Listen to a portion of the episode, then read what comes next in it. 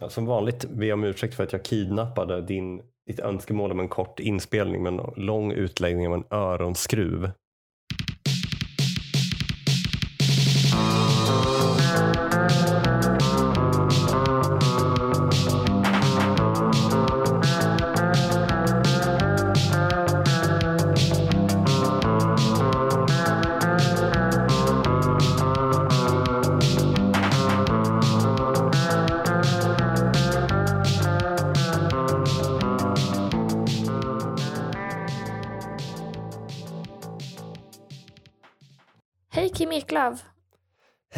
Theander.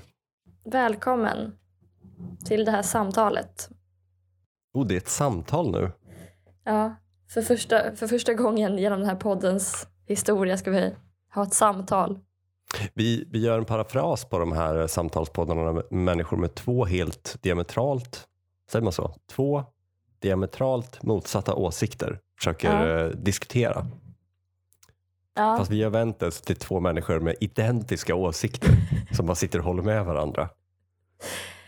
eller någon liksom knappt märkbar nyans. För, för en utomstående inte märkbar men för två vänsterpersoner så är det som man är på olika planeter.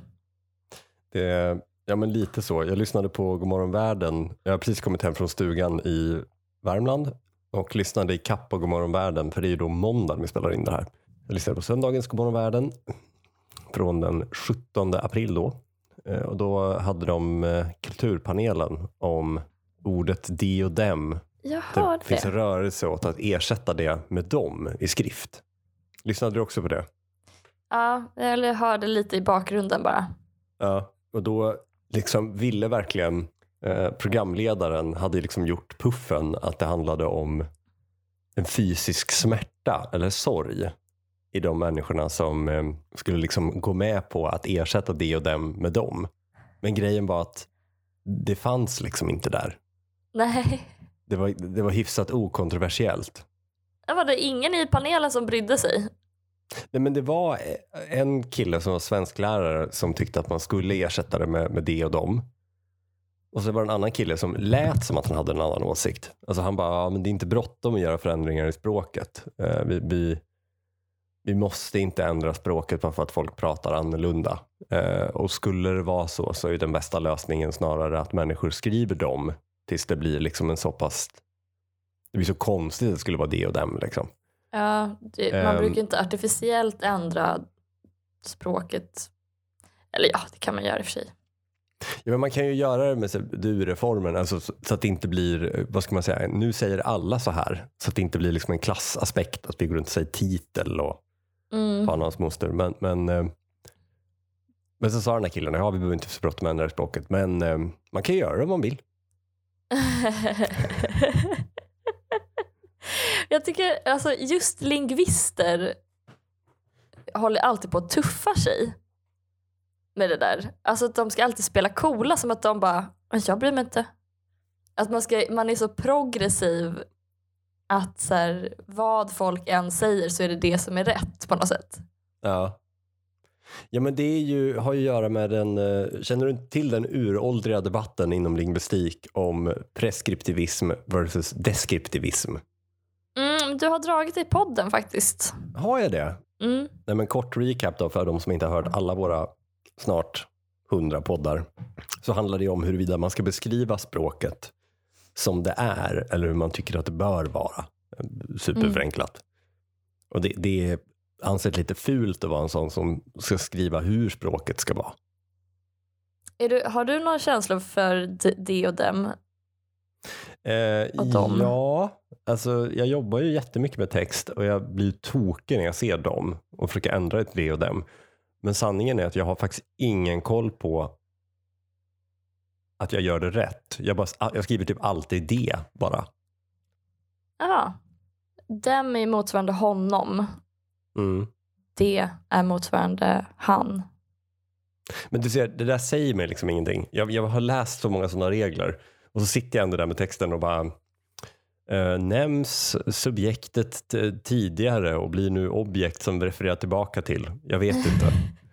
Ja, men, så jag är för en reform just för att jag, jag, eh, jag själv inte vet. Du då? Jag har ingen stark åsikt. Men de känns väldigt så här 70-tal på något sätt. Alltså de. Ja, de, de kallar oss mods. Dem kallar oss mods. Det kallar dem mods.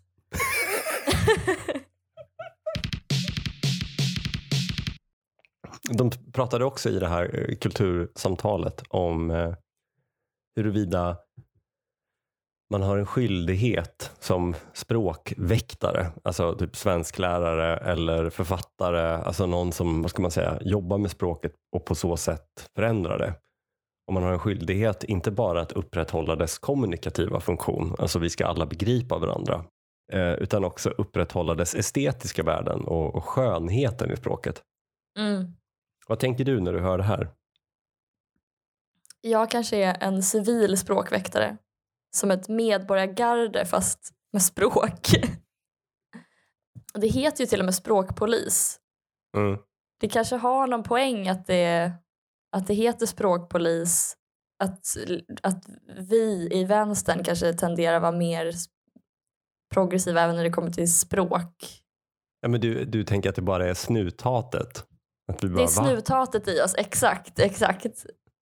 Eller det, vad, var, vad var din fråga? Du frågade, Alltså att man vaktar skönheten i språket. man vaktar skönheten. Nej men jag, jag vet inte, det utlöste något oerhört postmodernt i mig. Ja. Jag, eh, jag kände att så är det ju. Alltså lite som jag vill att trädgårdsmästare ska se efter trädgårdar och hålla dem vackra. Ja. Men sen så eh, drabbades jag av den här alltså, fruktansvärda frågeställningen. Men vad är vackert då?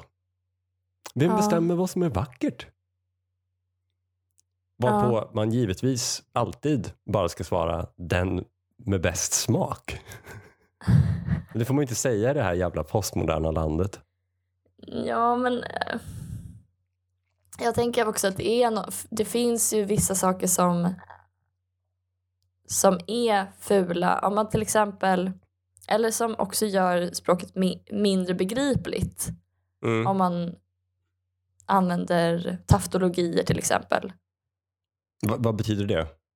När det är kaka på kaka. Eller menar du när man använder ordet taftologier för att folk inte förstår?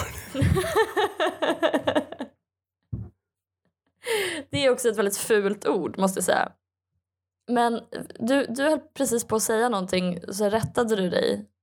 Du höll på att säga en taftologi och sen så ändrade du dig till att bara säga det ena av de två orden. Jaha, eh, ja, två helt Just det. Diametralt motsatta olika åsikter. Ja, men ja precis, någonting sånt ja. Mm. Men så jävla diametralt motsatta att de är olika. ja. Nej, men jag tror att du håller med mig här, men nog fan finns det en smak. Eller? För olika ord.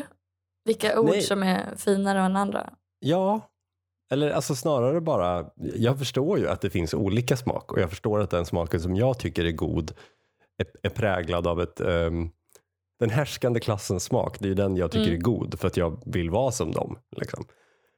Men ju mer jag argumenterar för det i huvudet och säger att ja, men det, det finns ingen smak. Eh, vi ska bara vara eh, fria när det kommer till smak och inte liksom på något sätt försöka upprätthålla en god smak. Så tänker jag ofta på ehm, att då skulle ju liksom nyliberalerna sätta smaken. Alltså då skulle marknaden sätta smaken. Och egentligen, vad ska man säga, uppmärksamhetsekonomin. För Mm. att det är det som du säljer med.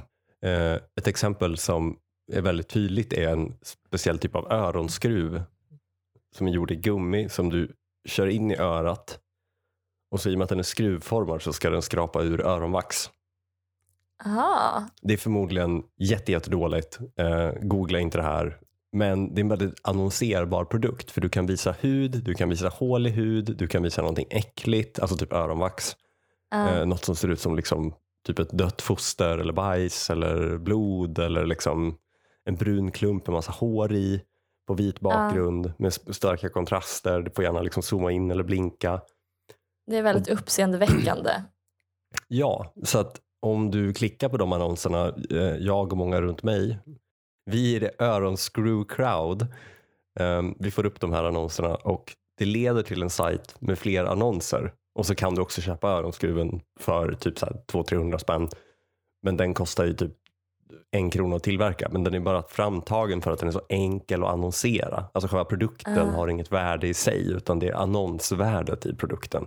Och så kan du då annons- sälja ännu fler annonser för att folk har klickat på öronskruvsannonsen. Och har vi då Ah. inte någon form av smakpolis så, så tänker jag att det Mm. liksom, vi, vi kommer alla bli sittandes med öronskruvar. Om man håller på att köpa en öronskruv Mm. eller det är så maximalt cyniskt att så här, då, då måste man kolla på annonser också till och med medan man håller på att köpa någonting. Alltså inte ens i köpögonblicket så slutar du liksom bli trakasserad. Men det är ju för att reklam. öronskruven är ju inte en produkt egentligen. Det är inte ens säkert att du får en öronskruv om du köper den. Utan öronskruven är framtagen för att kunna annonsera med. Ja, okej. Ja. Så det är liksom, för jag fick den så Mm. liksom verkligen harassing typ mitt i natten. Så zoomade bara in på en öronkanal som någon kör in en plastgrej i. Liksom knullar öronkanalen med. Så att man bara, oh, eh, primalhjärnan bara, åh, ett samlag. Nej vänta, det är bajs. Nej. Vad är det här? Det måste jag se. Ja. Det är vår tids bär i skogen. Åh, oh, ett lingon. Sluta scrolla skog. Ja. Men eh, förstår du vad jag menar? Håller du med mig? Eller eh, vad tänker du när jag säger det här? Men jag vet inte, eh, för hur tänker du att smaken ska... Jo men du menar att liksom vi måste ha, vi kan inte hemfalla åt de här primala drifterna och låta, oss, låta dem... För att uppmärksamhetsekonomin förstärker någon djurisk sida. Och det enda värnet vi har mot det är någon slags sofistikation och god smak då. Som vi måste vårda. Ja, Inte nödvändigtvis, utan mer bara att öronskruven är så kraftfull att den slår ut allting annat. Och, och, och, alltså I brist på att vi kan förbjuda öronskruv eller uppmärksamhetsekonomin så tänker jag att det åtminstone kan finnas oaser av saker som inte är framtagna för att liksom få oss att fucka ur fullständigt. Ja. Om marknaden hade fått styra museibranschen så hade vi bara haft typ första, andra världskriget, alltså krigsmuseum. Dit män Ja. kan gå och titta på en bild på en ung pojke som är rädd i en skyttegrav och tänka det där kunde varit jag. Ja. För det är en sån jävla genväg till att känna, känna någonting. mm, mm. Um, sen kan man ju då tycka att säga att vi ska upprätthålla någon slags god smak, då förtrycker vi ju det som vi inte just nu klassificerar som god smak. Men jag ser det lite som mer, då kan man ha diskussion inom, okej, vad är god smak? Vilken smak ska vi lyfta? Istället för att bara, "Ö, allting är okej och sen så vaknar vi imorgon och så är det bara öronskruv alltihop. Ja, ja. ja, jag tror jag, jag, jag tror jag håller med dig.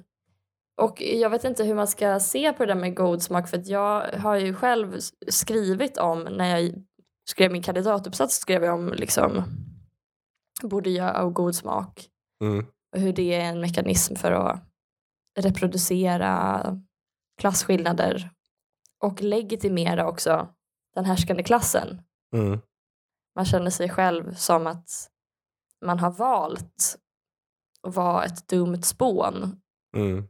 och att det är nog bäst att de här sofistikerade människorna får styra. Men, Men jag det- vet inte, för samtidigt så det, det är ju och jag, jag, jag vet inte hur, hur jag ska argumentera för det men det är ju helt enkelt bara så att vissa saker är bra och vissa är dåliga och jag vet inte hur jag ska bevisa det men liksom alltså jag tror att anledningen till att både jag har den här teorin om habitus och smak är att han är sociolog Mm. och har en, en felkälla eller en, eh, Ja. en benägenhet. En, Predisposition. han, är, ja, han är predisponerad eller ha- han är överdrivet benägen att sätta sociala grupper som yttersta förklaring till allt. Det det handlar också om att kanske uppvärdera sin egen, sitt eget fält och sin egen kunskap. Att det, som, det enda liksom, som förklarar folks i, i, grund och botten det som är konstituerande för konstpreferenser och konstnärliga uttryck är sociologi eller Mm. någonting som har att göra med ett kampförhållande mellan klasserna. Mm. Men om man inte är sociolog så har man en ben- benägenhet som jag då att se mer vi- viss konst är bättre på att uttrycka den ena eller andra känslan eller tanken och alla, jag tror att det är tillgängligt för alla även om vissa, det kräver viss övning kanske.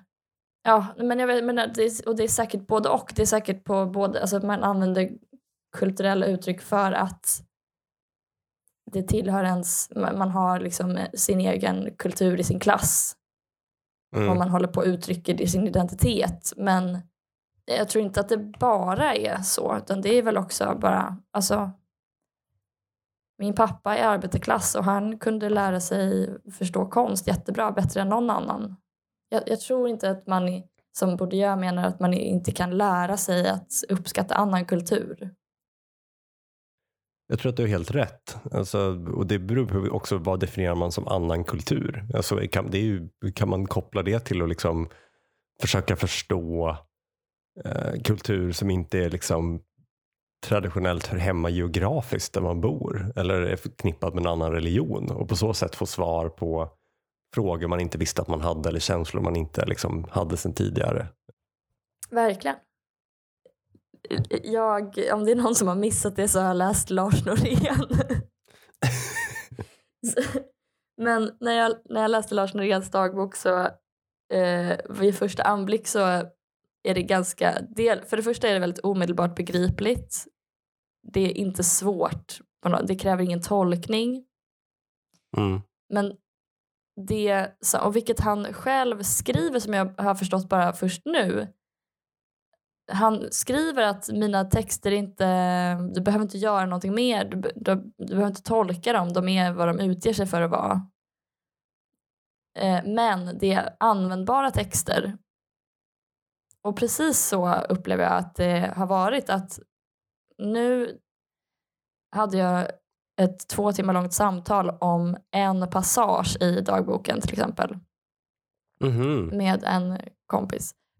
Eh, Med, jo, för först så tänkte jag men det här är inget speciellt, den här boken. Men sen när man väl tar sig tid att läsa noggrant och stanna upp Mm. och läsa och läsa igen så kommer det nya saker. Och det tycker jag är bra. Och det tror jag är anledningen till att man inte tröttnar på en tavla. Mm. Om det är en bra tavla så är det ofta för att man kan titta på den och se något nytt. Och liksom, ja, att det, det är liksom väldigt innehållsrikt och informativt Mm. och nyansrikt kanske. Punkt 720. Ekokritik slash icke-antropocentrism. Får en massa forskningsanslag at the moment. Varför skulle man behöva sätta sig in i ett bis perspektiv för att förstå att det är dåligt att utrota bin? Vi lever ju då i eh, det sjätte massutdöendet. Kul att de gjorde en uppföljare. Den svåra, den svåra sjätte filmen. De gick liksom, liksom Ja. lite på psykologisk thriller. Det är inte liksom en plötslig förändring att så, jag vet inte, allt vatten torkar ut eller förångas samtidigt eller att det blir jätte, jättekallt. Nej, Utan det bara går sakta men säkert så bara, men gud. Är det bara jag eller är våren sen? ah, precis. Gud vad konstigt. Exakt. Den här fågeln har jag aldrig sett förut. Och så Nej. vet man liksom att det går åt helvete men alla bara går runt och är så. Ja, det är riktigt bra faktiskt. eh, Psykologisk thriller, ja. någonting är lite off. Medan liksom när dinosaurierna utrotades så var det verkligen Hollywood, action. En klassisk första film. Vi bara Ja. spränger allt. ja. Väldigt övertydliga, stora gester. Men nu är vi, det här är mer melankolia eller, nej det är inte ens det kanske.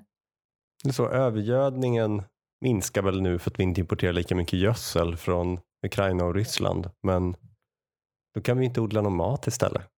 Sakta men säkert stiger brödpriserna. Ja. Nej, men så det, på det sättet förstår jag att eh, man vill ha någon eh, teori för det. Och då så har det blivit populärt att prata om antropocentrism som ungefär källan till, vår, till att vi förslavar och utarmar och utrotar andra Vill du ge en arter. liten definition till vad det betyder? Antroposi betyder människa och Mm. centrism, alltså i centrum då. Så man, det man anspelar på är väl ungefär som att det skulle vara motsvarande rasism eller antisemitism, alltså en ideologi som rättfärdigar förslavning och utrotning. Mm. Men istället för människor så, så är det andra arter. Mm. Ja, det, det, då finns det biocentrism som är att alla levande organismer anses likvärdiga. Ett träds liv ska ses som lika viktigt som en människas. Och ekocentrism där man värderar den eh, biotiska och abiotiska miljön i ett ekosystem lika. Ja, abiotiska faktorer är då icke-levande faktorer som påverkar naturen. Till exempel jordens pH-värde. Eller mängden närsalter i jorden. Mm. Mm, berg, luft, solljus. Så då, då liksom... Förlåt att jag, nu, jag tänkte fråga vad tycker du om det här men nu avslöjar jag redan vad jag tycker. Men att man tycker att solljuset är lika viktigt som människan. Vad, vad, ja, har du någon spontan reaktion på det här? Tycker du att det låter som att vi behöver bli mindre antropocentriska och Ehm, ersätta det med biocentrism eller ekocentrism? Ja, det, eh, någonting behöver vi ju göra. Sen vet jag inte om det är ett, ett nytt teoretiskt ramverk som liksom, jag vet inte, det, det är som en, en stilla, det det är som en kör av tankar kring Mm. vad det här skulle innebära och en liten, liten falsk stämma i bakgrunden som säger folkmord. Ja, Eh. exakt! Ehm, och det har liksom aldrig riktigt varit en, ehm, ett gott tecken. Att det är lite folkmordsvibe.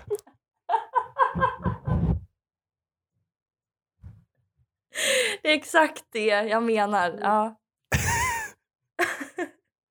Nej, men, jag, jag tycker att det låter som att man byter namn på humanism till antropocentrism.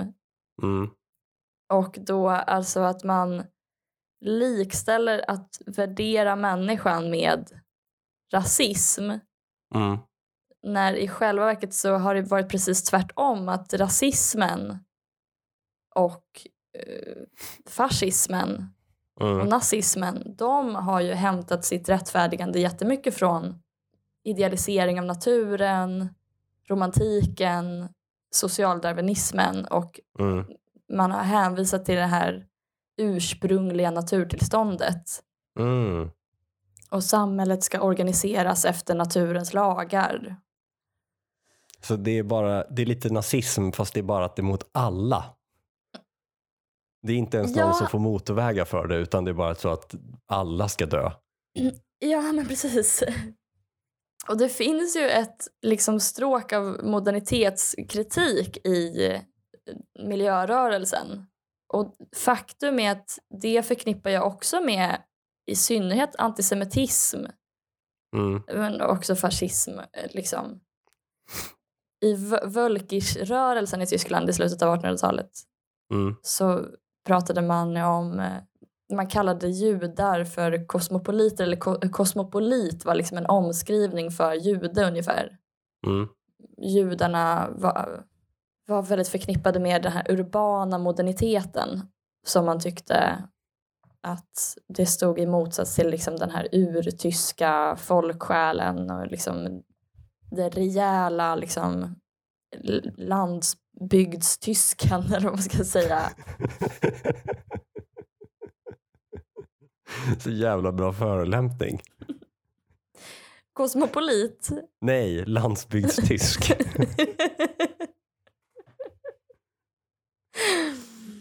ja, precis. Och så liksom förespråkade man ett enkelt liv och eh, ett återvändande till landet och landsbygden. Och fascismen reagerar ju då mot upplysningen och förkastar positivism och rationalism och materialism ja, till förmån för idealism och socialdarwinism. Och sen så, för jag tror inte eh, heller att den fundamentala orsaken till att vi exploaterar naturen är en oförmåga att tillskriva den värde. Mm. Utan jag tycker man kan lika gärna säga att, eller inte, och inte ens lika gärna, jag tycker att det är en bättre beskrivning att vi värderar naturen olika och olika Mm. människor har olika intressen i naturen och så de står i konflikt med varandra. Mm. Och vissa människor har större makt att utöva eh, sin värdering. Och dessutom påverkas vi olika. Alltså, Roman Abramovic, Mm. tror inte jag, han kommer inte påverkas, i alla fall kanske i det långa loppet att alla påverkas av miljöförstöring och na- naturkatastrofer och klimatförändringar. Men i första hand är det ju någon bonde i Malawi Mm. eller någon fiskare i Bangladesh eller eh, det är andra människor. Det, det, jag tycker att det är orättvist också mot alltså att säga att Roman Abramovic och eh, Vladimir Potanin som är vi- nu har jag också kollat på massa, vad heter de alla olika oligarker? det är därför jag slänger mig med lite olika oligarknamn. Det blir, det blir liksom konstigt att alltså, den här bonden i Malawi eller någonstans är lika mycket en del av den här ideologin som förslavar naturen Mm. som Vladimir Potanin. Mm. Som då är en oligark och som inte är en du som oligark. Alltså, demonstrativt uttalar Vladimir Putin på ukrainska. ja, just det. Volodymyr Potanin. Putin. Putin. Förlåt, jag, har, nu har jag bara också sagt att de är oligarker men de är ju såklart inblandade i då gas, olja, mineral, eh, industri. Det skaver tycker jag att man, man säger att det här är en ideologi som började med Bibeln. Det står i skapelseberättelsen att eh, Gud gjorde människan till härskare över eh, alla andra arter.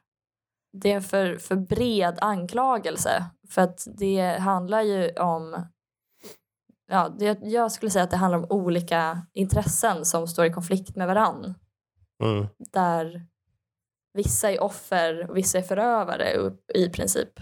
Eh, och jag tror inte att liksom Leonid Mikkelsson som är en annan oligark hans problem är liksom inte att han eh, att han inte kan sätta sig in i ett bis perspektiv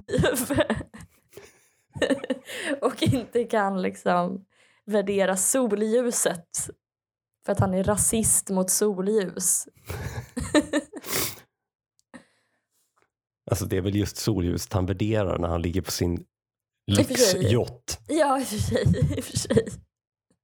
Sen så svarar du ju också på frågan att man inte vill säga högt att man tycker, precis som du var inne på tidigare, att man tycker olika om naturens värde. Alltså för de människorna som vet att det ska öppnas batterigruvor i Bergslagen till exempel. Och de Ja. människorna som är emot de batterigruvorna för att det förstör närmiljön i Bergslagen. Det skulle ju vara mer ärligt då om man då sa att vi antingen så tycker vi inte att vi ska ställa om till elbilar. Att vi ska byta sätt att transportera oss på.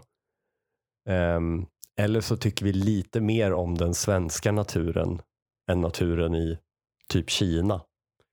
Eller andra länder där det bryts konfliktmineraler. Men om man bara flip the table och bara säger att vi ska helt byta tankesätt behöver man inte ta såna, fatta sådana jobbiga beslut. För men om det är vi som ska köra elbilarna då är det väl egentligen rimligt att det är vår natur som förstörs för att vi ska kunna göra Mm. det. Mm. Och så kan man ärligt säga att okej, du vill ha en nice elbil för att du vill kunna åka till stugan och det är soft. Ehm, då tyvärr ryker allting i närheten av Lesjöfors. Mm.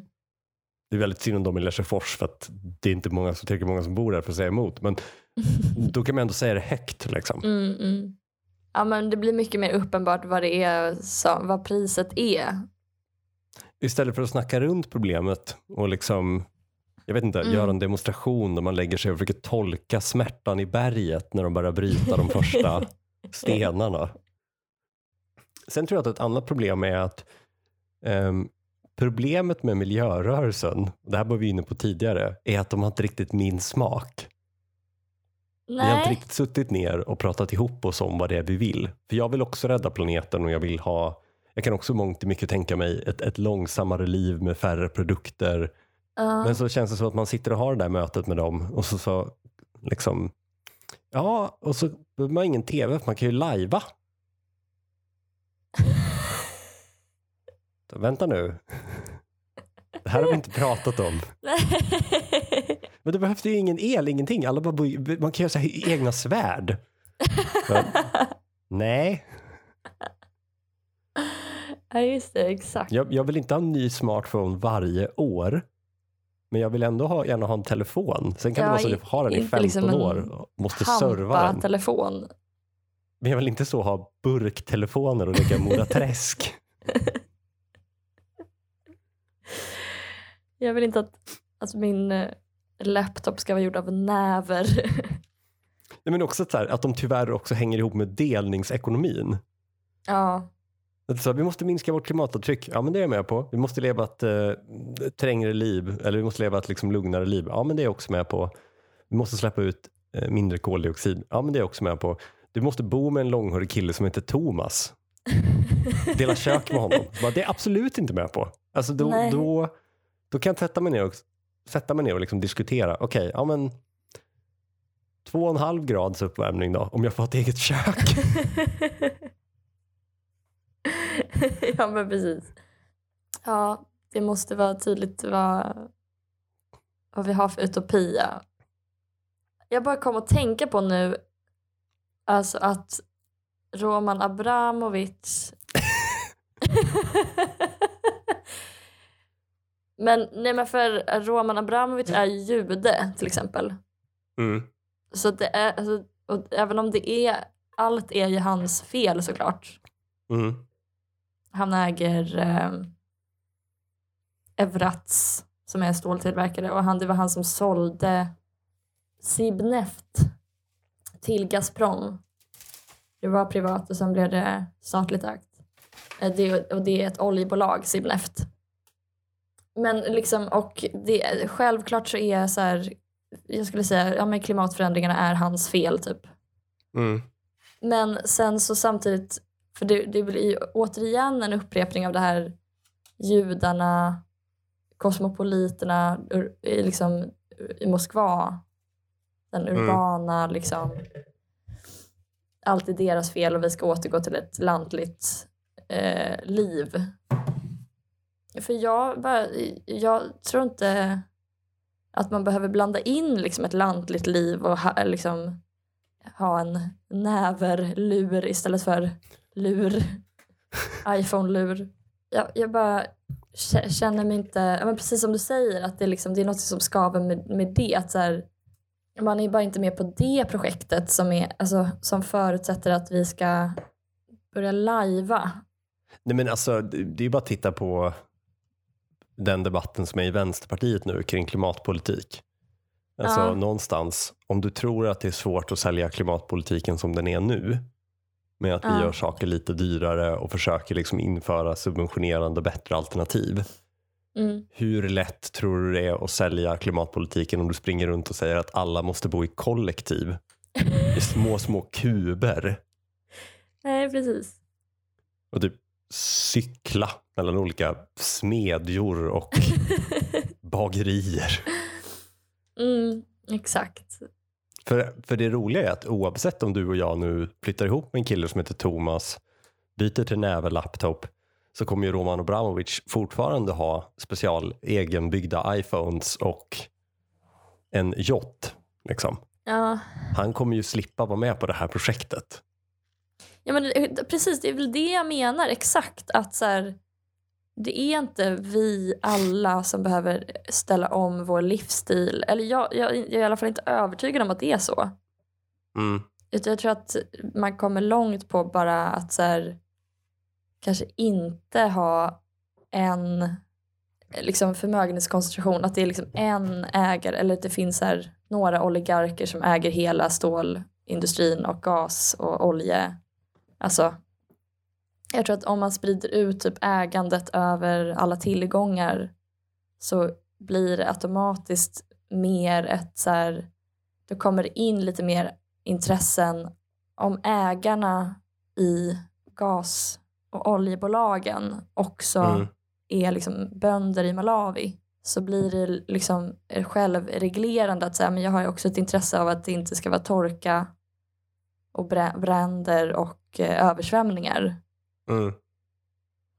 Ja, men det, och det är kanske likt det här du säger om att mm, man har svensk, liksom svensk batteriindustri i Bergslagen. Alltså det, det, det är något problem ju med att liksom konsekvenserna inte är lika kännbara för alla och alla har inte samma intressen helt enkelt. Så vissa människor är bara helt fri från kopplade Mm. och har ingen, inget intresse, alltså, inget intresse i att bevara Bergslagen. Liksom.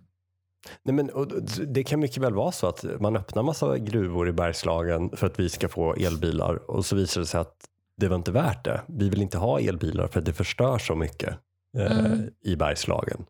Nu tror jag att det är bra för Bergslagen att få in lite nya jobb men alltså, då kan man ju ta ett informerat beslut om det istället för att mm, säga att vi ska ha elbilar och sen skita i att barn får koboltdamm i lungorna Mm. eller vad nu kobolt är. Det är dåligt vet jag men jag vet inte hur. Ja. ja men det är någon annan som betalar priset. Man liksom, det är svårt att liksom avsäga sig någonting som man inte själv betalar priset för. På tal om att sälja det vi måste göra för att rädda klimatet så har jag noterat en trend. Det, det är liksom en, en, en ny rörelse eh, i att sälja klimatsmarta lösningar. I att vi ska Mhm. rädda naturen för att den är så snäll. För att det är så trevligt. Vadå då? Men jag tänker om du backar, alltså så här, man backar bandet långt innan så är väl det urexemplet på det här Grumme-reklamen. Att man ska använda Grumme-såpa för att det är skonsamt mot naturen. Och så är det en, en helikopter som backar från en idyllisk skärgårdsö med en röd stuga på och så flyger det förbi någon fiskmås och solen skiner och vattnet stänker och man verkligen känner att där vill man sitta och ta en kopp kaffe i solen. Det här måste Mm. vi rädda. Mm. Men att det är lite som, alltså, klimatdebatten blir som att vi har startat en fundraiser för naturen.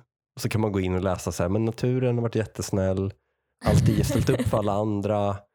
Eh, nu har naturen hamnat lite i trångmål och det är typ vårt fel. Ja, just skänk en slant så vi kan betala naturens kostnader.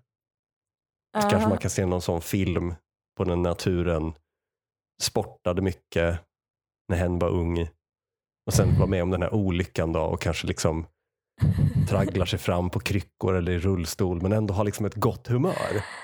Och så känner man, fan vilken fighter naturen är. Det här, det här, det, det här vill jag liksom hjälpa till med. Ja. För att det, med det gamla argumentet funkade ju inte. Gör någonting eller så dör vi. Nej men precis. Nej men det är ju också det, ja, men exakt, det är verkligen det som också är, alltså jag tycker inte man behöver det för att förstå att här, det är bra med träd liksom. Mm. Man behöver inte liksom rita ögon, näsa, mun på trädet. Eller så är det precis det vi behöver. Man köper... Känns som någon sån eh, kampanj som svensk skog, skogsindustri skulle kunna göra. Big skog. Att de skulle kunna springa och köpa massa googly eyes och sätta på jättemånga träd. Alltså, de, fast de sätter det på sin energiskog. Eh, nej, inte med sin energiskog. Utan de skulle bara göra det med den skogen som Naturvårdsverket har tvingat dem att behålla för att vi inte ska gå under. Ja, alltså för det, ja, men det är ju likadant med liksom alltså, stötta en panda. Vad har pandor någonsin gjort dig? Men då ska man Mm. ställa sig frågan, vad har pandor någonsin gjort för dig? Ja, ja precis. Man ska inte glömma bort heller. För jag tror att det är liksom också lite sårbart eftersom naturen är så, ett sånt as ofta. Mm. Så om man bara förlitar sig på naturens liksom godhet och höga moral så är det lite sårbart när man inser att så här, oj då, nu den här isbjörnen ville verkligen typ käka upp mig bara. Och du tänker att människor då, alltså om man lär människor att de ska ta, rädda naturen, naturen, miljön, klimatet för att naturen är så snäll. Ja, Att om då naturen inte är snäll, alltså så, typ kastar en tsunami på dem så kommer de bara va? Och springa ut med sina vapen i hand och skjuta mot naturen. Exakt. Det är en bräcklig grund att bygga ett klimatsamvete på. Naturen ska vara en perfekt ängel liksom. Ja men och liksom ju sämre vi behandlar naturen desto större as kommer den vara. Du, du tänker att, att vi istället borde göra om det till alltså hot om våld. Istället för den här Grummeön när någon står och så tvättar kläder med Grummesåpa och det är jättefint så är det någon som häller gäss rakt ner i sjön och då bara äter sjön upp Grummeön. ja men Och så, verkligen. så backar helikoptern och så liksom regnar det och blixtar slår ner under vattnet och liksom Det kommer upp en det brinner under vattnet. Ja, Och det kommer en knytnäve havet formar en knytnäve. och bara tjongar Grummetjejen rakt i plytet. Tack för den här veckan Kim Eklöf. Tack Ellen Theander. Vi kommer ut på tisdagar klockan sex på morgonen. Lagom till morgonlöprundan. Producent är Sally Eriksson, ansvarig utgivare är Ellen Theander. Hej då! Hej då!